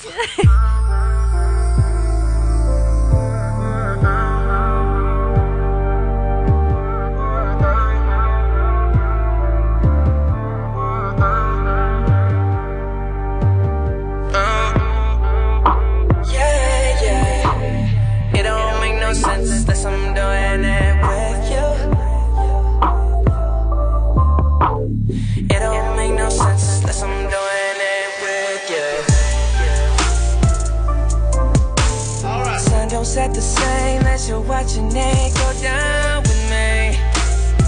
Oh no. Bed won't sleep the same unless you're waking up in it with me. Oh, my heart's a vacant house when you're gone away. It's so empty. And love don't make sense when it's empty. Oh no.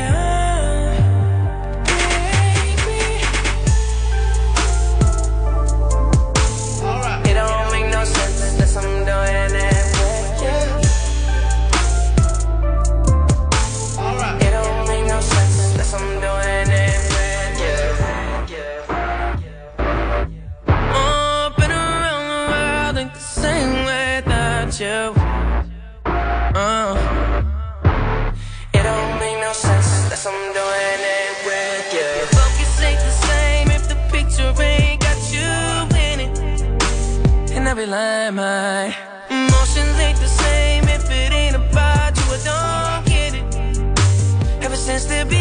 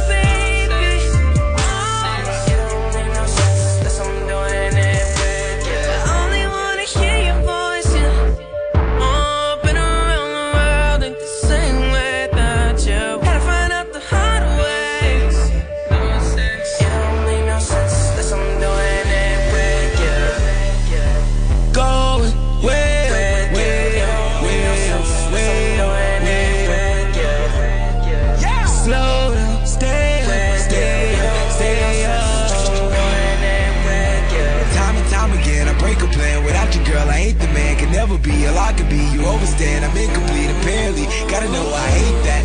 How's supposed to take that? Boot up, missing all of that. Gotta be laying in that. Rolling up, put a flame to that. Thought by now you were made it back. Be patient.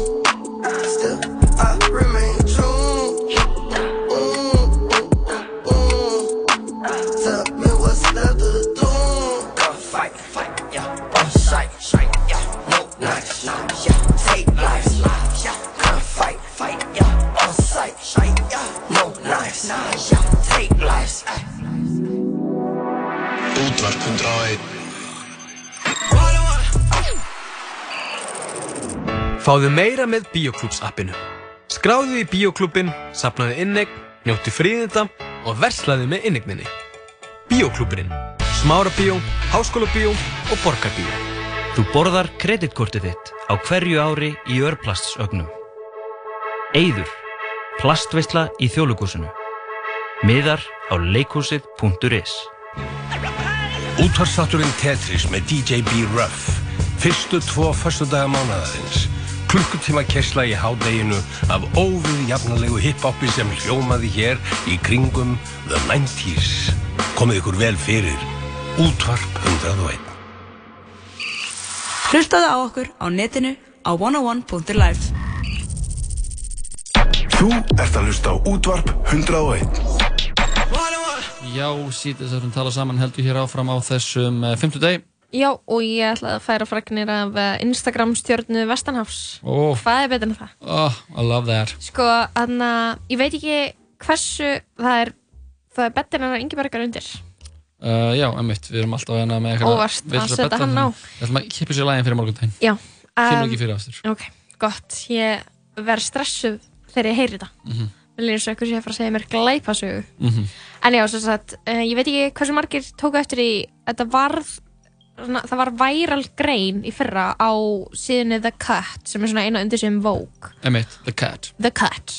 Ekki The Cut ur nei, Má, á ég að segja þessu sögu, Já, eða ætlar að vera með eitthvað bull. hvað þú meina? Ok, The Cut, já, uh, þau taka oft svona, taka hlutinu úr samtíma menningu og fara með eitthvað svona djúpa og ítalega greiningu. Það byrtist þess mjög löng grein um stelpu sem heitir Caroline Calloway Emmitt hún er, hún er svona ljósærð bandarísk stelpa á held ég mjög ríka fóreldra uh, en það er allt skilur partur af identityin hennar skilur. Mhm. hún er basically svona gælla sem er fræg fyrir ekki neitt bókstala skilur. Mhm. hún bara svona hún er, hún er ekki með þú veist eitthvað make-up video hún er ekki að skrifa ljóð hún er ekki að uh, öðna, í einhverjum end, endur, endilega eitthvað í flottustu fötunum þú veist, hún Nei. er alveg smart eða skilur hún er alveg í tísku Mhm. en þú veist, þetta er ekki tískublogg, þetta er ekki förðun þetta er ekki eins og þú myndir halda en svona dæmigerða einsta stjarnar væri, skilur hún er bara hún sjálf Já. og það sem að og, þú veist, þeir sem þekkja til vita til dæmis af Ruby Kaur held ég hún heitir hún, eh, hún er svona Instagram ljóðskald Emmitt hún er þú veist, með geggjað kjúritað Instagram Mhm. og líka gerir ljóð sem að seljast mjög vel Já, sem Og hafa- postar á já, sem að hafa lúk sem fittar vel inn í Instagram Mhm. svona, þú veist, það er hægt að post, Þaut. þetta er postable Emmitt og þannig að hún sem sagt, þessi Caroline Calloway hún er, heldur að segja, aldrei við okkur 26-27 ára Mhm. og svona þegar að Instagram var að vera til svona þegar að þú veist, þegar plattformin hefur verið establisheraður en hegðun á minnstrið var svona þú veist, að þróast, Mhm, skilur mhm. hvernig nálgust þennan miðil þá byrjar hún að posta mjög mikið þú veist, af öllum ferðalögunum sínum og svona, þú veist taka myndir fyrir Instagram skrifa kapsjuna fyrir Instagram Mhm. Þú veist, þegar ég man, svona þegar við byrjuðum á Instagram fyrir tíu árum Vissi enginn hvað þetta gera Nei, það, ef byrju, ekki aðeins minna heldur en tíu ár, kannski síðan við byrjuðum, Já. 2011-12 Mhm. Og þannig að maður bara tók mynd og skrifa eitthvað og það var, veist, það var valla búið að finna upp latergram, skiljur, það var ekki búið að finna upp Throwback Thursday. Nei. Og það bara tókst einhverja mynd, hún, hún var ekkert sérstaklega flott, þú veist, mátti vera flott, þurfti ekki að vera flott, skiljur, Emmitt, þú grammaði bara einhverju. Þú gramma bara einhverju skilur og, og, og, og í orði, nafninu er Instagram, instant skilur mynd. Emmitt, já, já, og, og en, en það, þetta hefur náttúrulega bara þróast tölverst síðan þá og það er engin krafa myndin sé tekin skilur þegar hún er postuð alls ekki. Og hún svona einhvern veginn þróar áfram eitthvað svona ímynd um sig. Hún, hún á, þú veist, ríka fóreldra ferðast mjög mikið, þú veist Greikland, Róm, skilur hún fer á þessa áhrifalda staði, tekur myndir af sér og svo deilir hún, skilur eitthvað gett persónulegu. Mhm. hún er bara, þú veist, þetta er bara dagbók bara svona visual dagbók og pointið er bara að sjá lífið hennar. Já, Þú veist, hún base, hún verður bara væral, skilur hún nota bara Instagram sem dagbúinu í sína. Já, fra, en þú veist, svona á ógeðslega kjúreitaðan hátt, sem, veist, markvist að reyna að byggja eitthvað follower base, skilur Sína fólkina sem vil sjá. Já, og en, en svo, þessi grein sem byrtist á kött, það er þessi frásögn vinkonannar Mhm. sem að var að skrifa kapsjónuna fyrir hana, bara basically ghostwritaði kapsjónunnar Mm.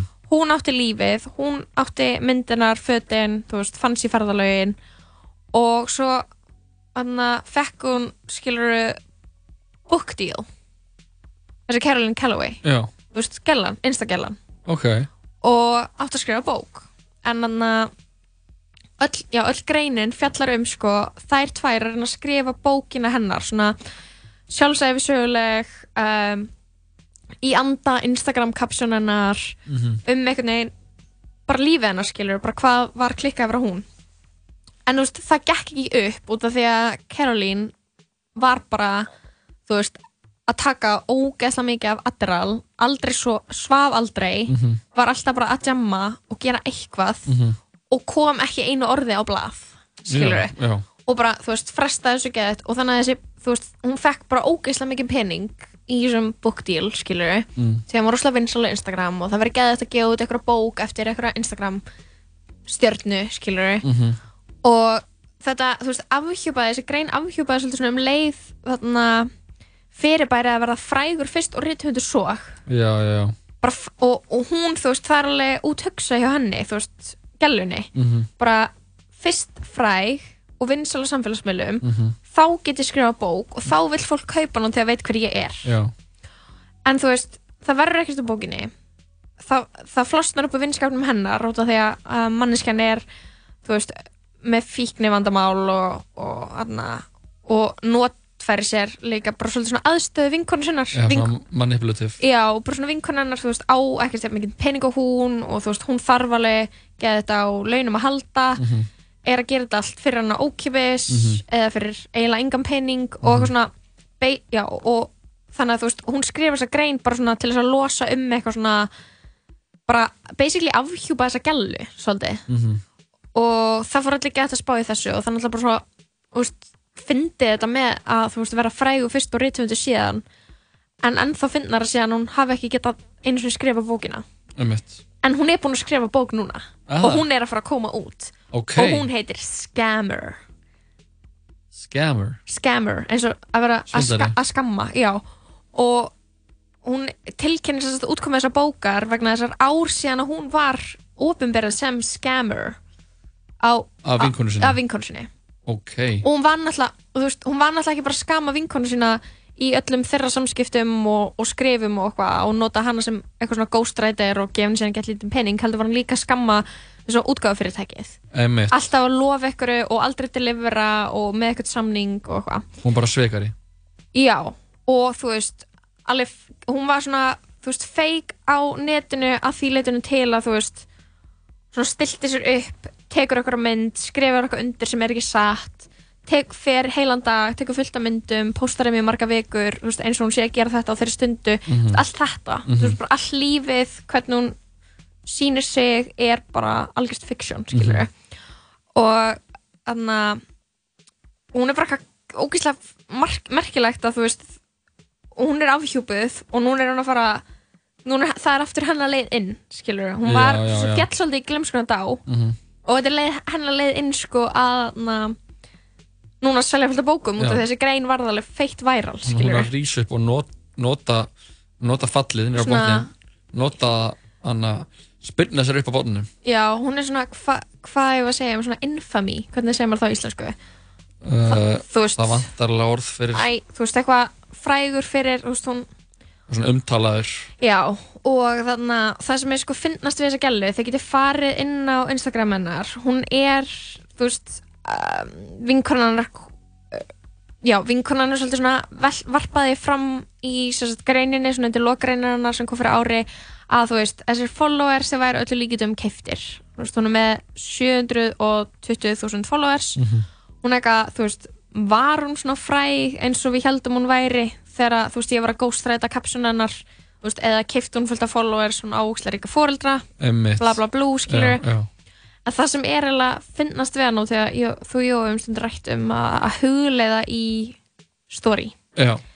er að sko, hún er ógeðslega andleg á Instagram auðvitað Já, og þú veist, þegar greinin kemur Awesome. þú veist, þegar greinin kemur út þá er hún svona þá næstu því tekur hún því sko fagnandi hún er svo ánægð að sé loksins verið að hún geti loksins ekki falið sér á bak við neitt Mm. og, og bara, þú veist, já og nú sjáu þið, þa þarna var ég fíkil ég er Mhm. ekki lengur svona og hún er alveg bara mega einlæg en þú veist, fake einlæg væntalega, skilur Já, þetta er psycho. Já, og þú veist, hún er bara alltaf að setja inn, þú veist, svona myndir af, af öllum bókunum sínum og plöntunum sínum og, og Ugh. hugleyslu, þú veist, dótinu sínu og eitthvað.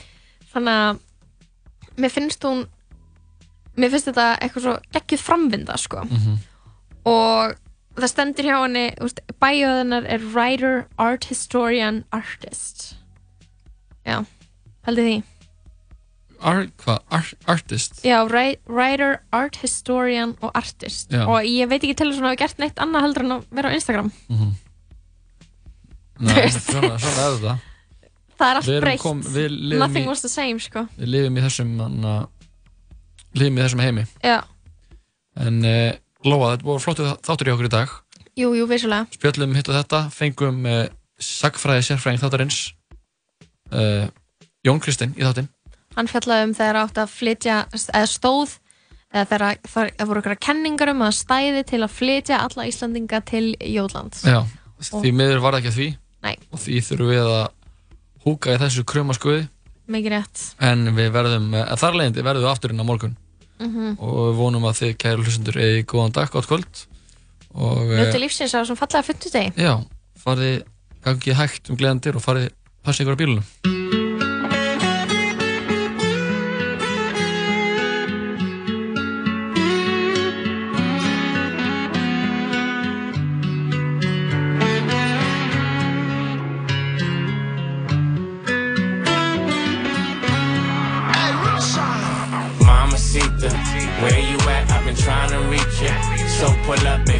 See you? I'm down to meet you. Holding me, she want control of me. Mama Mamacita, where you at? I've been trying to reach you. So pull up, baby, can I see you? I'm down to meet you. Holding me, she want control of me. Hey, Mamacita, we, we could bang, we could blow the speakers. You could be my Nisa, Senorita, Black Selena, Miss Anita. I can get you pink ice like it's Easter. Tell your boyfriend hasta la vista. You could take a pic at the Mona Lisa. And I like a big butt like Go Anika. Me and YG, that's the only feature. And she suck a nigga up when I say Eureka. We hit Cipriani's, then Socialista. You can get wifeyed up for the weekend. On one with me, she on one with me. Holding on me, she want control over me. She said, T Raw, boy, you got everything. Not everything, cause it's you that I need. Mama Sita, where you at? I've been trying to reach you. So pull up, baby, can I see you? I'm down to meet you. Holding me, she want control of me. Mama Sita, where you at? I've been trying to reach you. So pull up, baby, can I see you? I'm down to meet you. Holding me, she want control of me. Soup on me Pito. Picture got blown while I sip down Julio, no Patron. She bad in real life with no makeup on. Fashion over jeans, I can see the thong. My little essay, he from the thread set. He keep it for the Glock the new Epic. 20 bands in Vegas, that's with the jet set. And I'm on it with a bitch that's sexy. Me, my bitch, and a brother Carlos. I swear he a narco. Jessica turn on when it's dark though.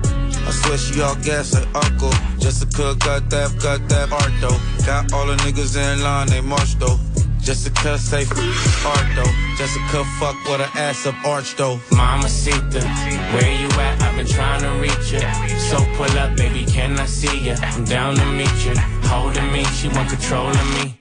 Mama Sita, where you at? I've been trying to reach you. So pull up, baby, can I see you? I'm down to meet you. Holding me, she want control of me.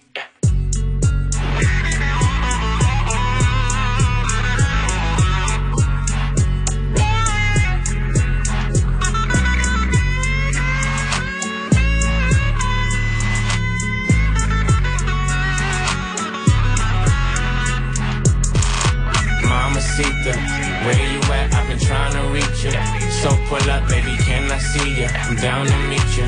Holding me, she want control of me. Mamacita, where you at? I've been trying to reach ya. So pull up, baby, can I see ya? I'm down to meet ya. Holding me, she want control of me.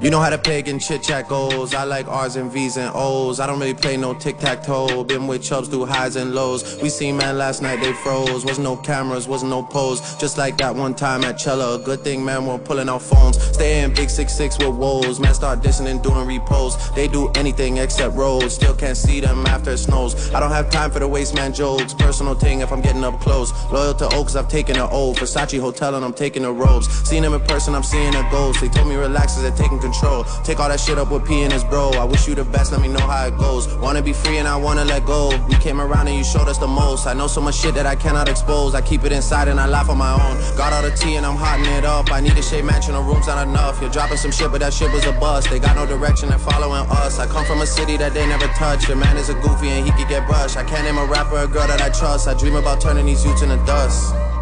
Hey.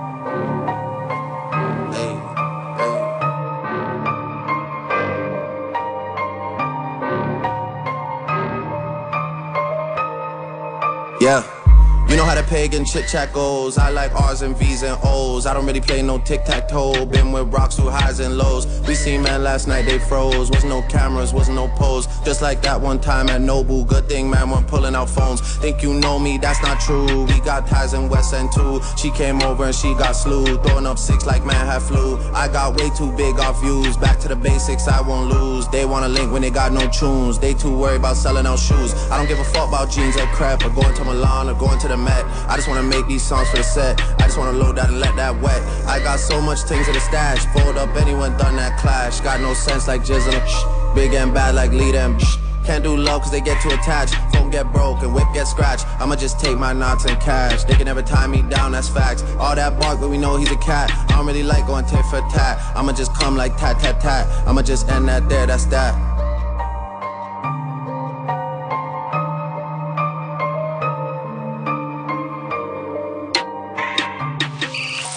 Þú finnur fréttir, þætti og tónlist á heimasíðun okkar 101.life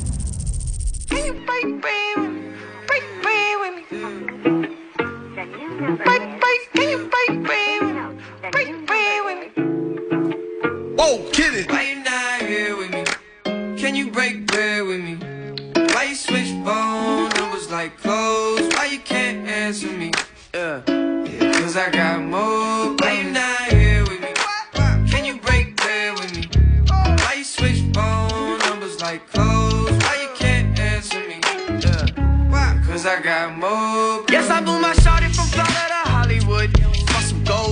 big on me. Got some goals, it's a list on me. Yellow bitch, I'm rich, I rock and roll. The strippers in the strobe playing tricks on me. The stones hitting different, you supposed to be pissed at me.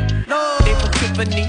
Keep my name out your mouth like some wisdom teeth. You wonder Why I'm not there with you? I ain't answer my phone in so long. Why you not here with me? Can you break bread with me? Why you switch phone numbers like clothes? Why you can't answer me? Yeah, yeah, cause I got more. Why you not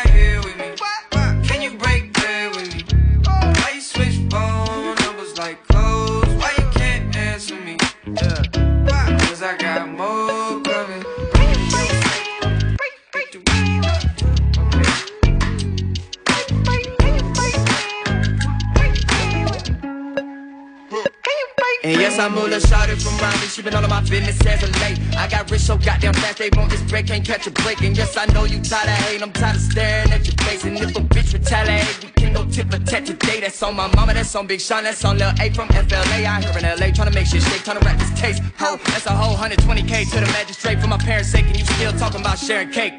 Shut the fuck up. Why you not here with me? Can you break bread with me? Why you switch phone numbers like clothes? Why you can't answer me? Yeah, I got more. Why you here with me? Can you break bread with me? Why you switch phone numbers like clothes? Why you can't answer me? Yeah, I got more coming.